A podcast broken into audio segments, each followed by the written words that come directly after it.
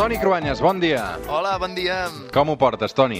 Bé, eh, una mica millor, jo crec, eh? No sé si és el temps o aquests uh, moviments de fases, encara que sigui a trossos. Um, escolta'm, uh, segurament una de les poques coses positives d'aquest confinament um, que vivim arreu del món um, és parlar d'un lloc on la crisi d'aquest coronavirus podria ser una oportunitat per viure millor. Sí, no n'hi ha gaires de llocs així, eh? però vaja, n'hi ha alguns, són alguns punts del planeta que es podria dir que són els guanyadors, entre cometes, d'aquesta crisi.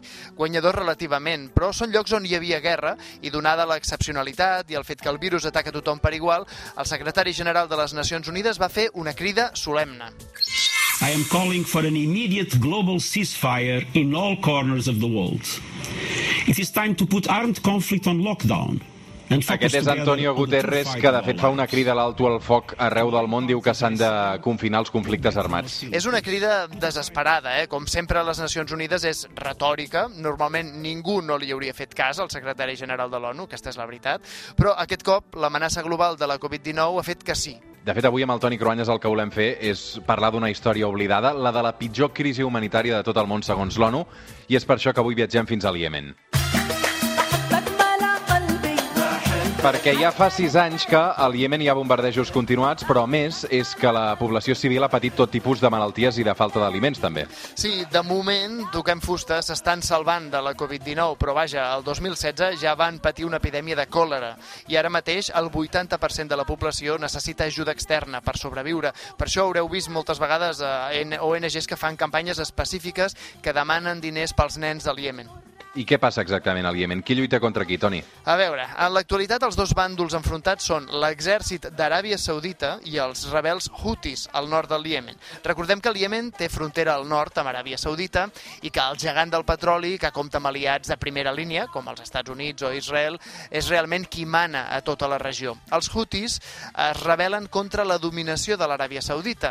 No acaben de rendir-se, mentre que el totpoderós Mohammed bin Salman, que és el príncep que ara està governant Aràbia Saudita no acaba tampoc de guanyar-los, malgrat que hi ha molts atacs aeris amb drons, no els guanya, però mata grans quantitats de població civil. Mm.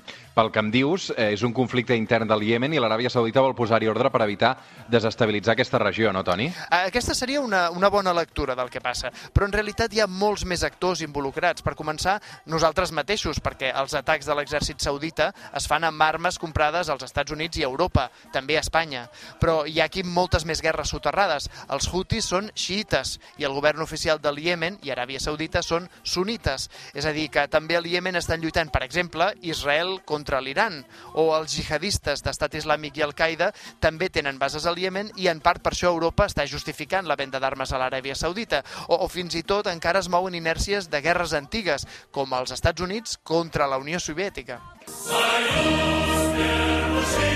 Mira, aquest és l'himne de la URSS que aquests dies fem servir per la secció del Joel Díaz que hem titulat El comunista, una secció que no té res a veure amb aquesta, Toni. Um, dèiem que la Guerra Freda va ajudar uh, o va deixar petjada sobretot a l'Iemen, no? Sí, en realitat doncs, eren dos països al nord, però Washington i al sud, que estaven en l'òrbita soviètica.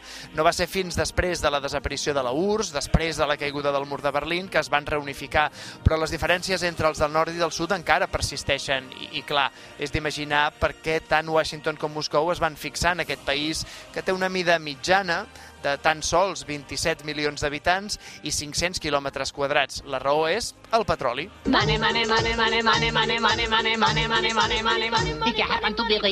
Els diners i el petroli ho mouen tot, no és tant perquè l'Iemen tingui petroli, a diferència de la veïna Aràbia Saudita, no? No, l'important aquí és l'estabilitat del règim saudita i també també el control de l'estret de Bab al-Mandeb, que és la part de la ruta del transport del petroli. És l'estret que hi ha entre l'Índic i el Mar Roig i després eh, cap al Mediterrani per la via del canal de Suez.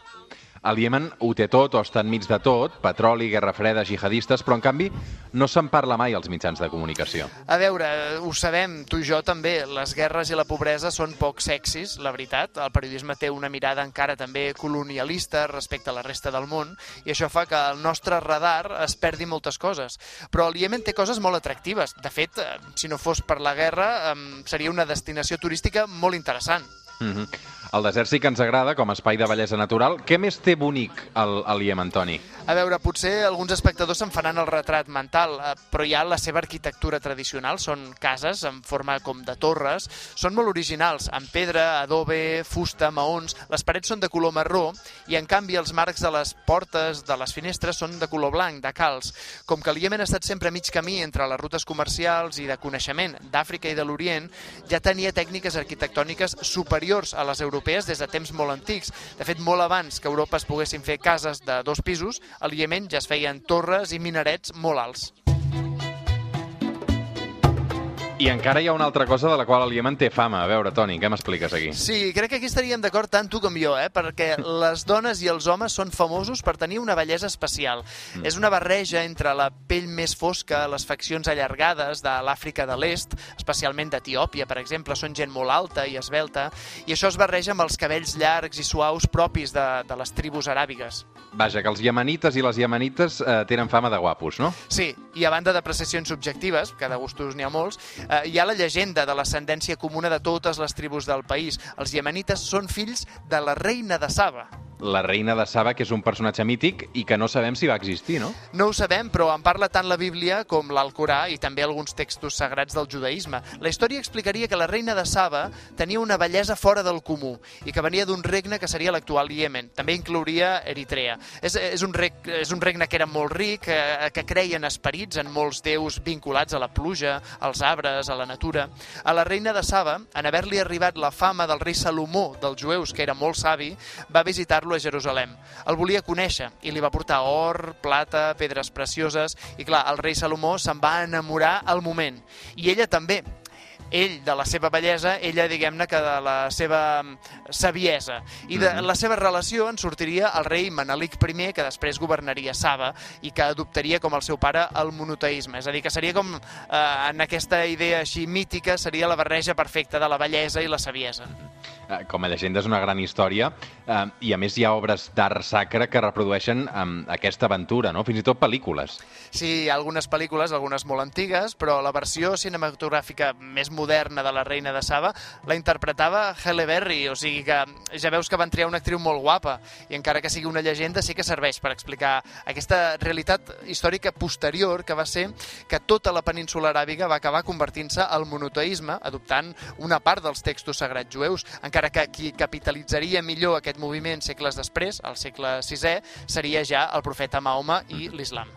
Avui hem parlat del Iemen, un conflicte oblidat que s'ha quedat en stand-by a causa del coronavirus. Sí, a veure, el periodisme és molt cruel. Deia, de fet, Eduardo Galeano que les guerres són una bona manera perquè la gent aprengui geografia. Realment, de tants llocs del món no en diríem mai res si no fos perquè pateixen una desgràcia, una guerra.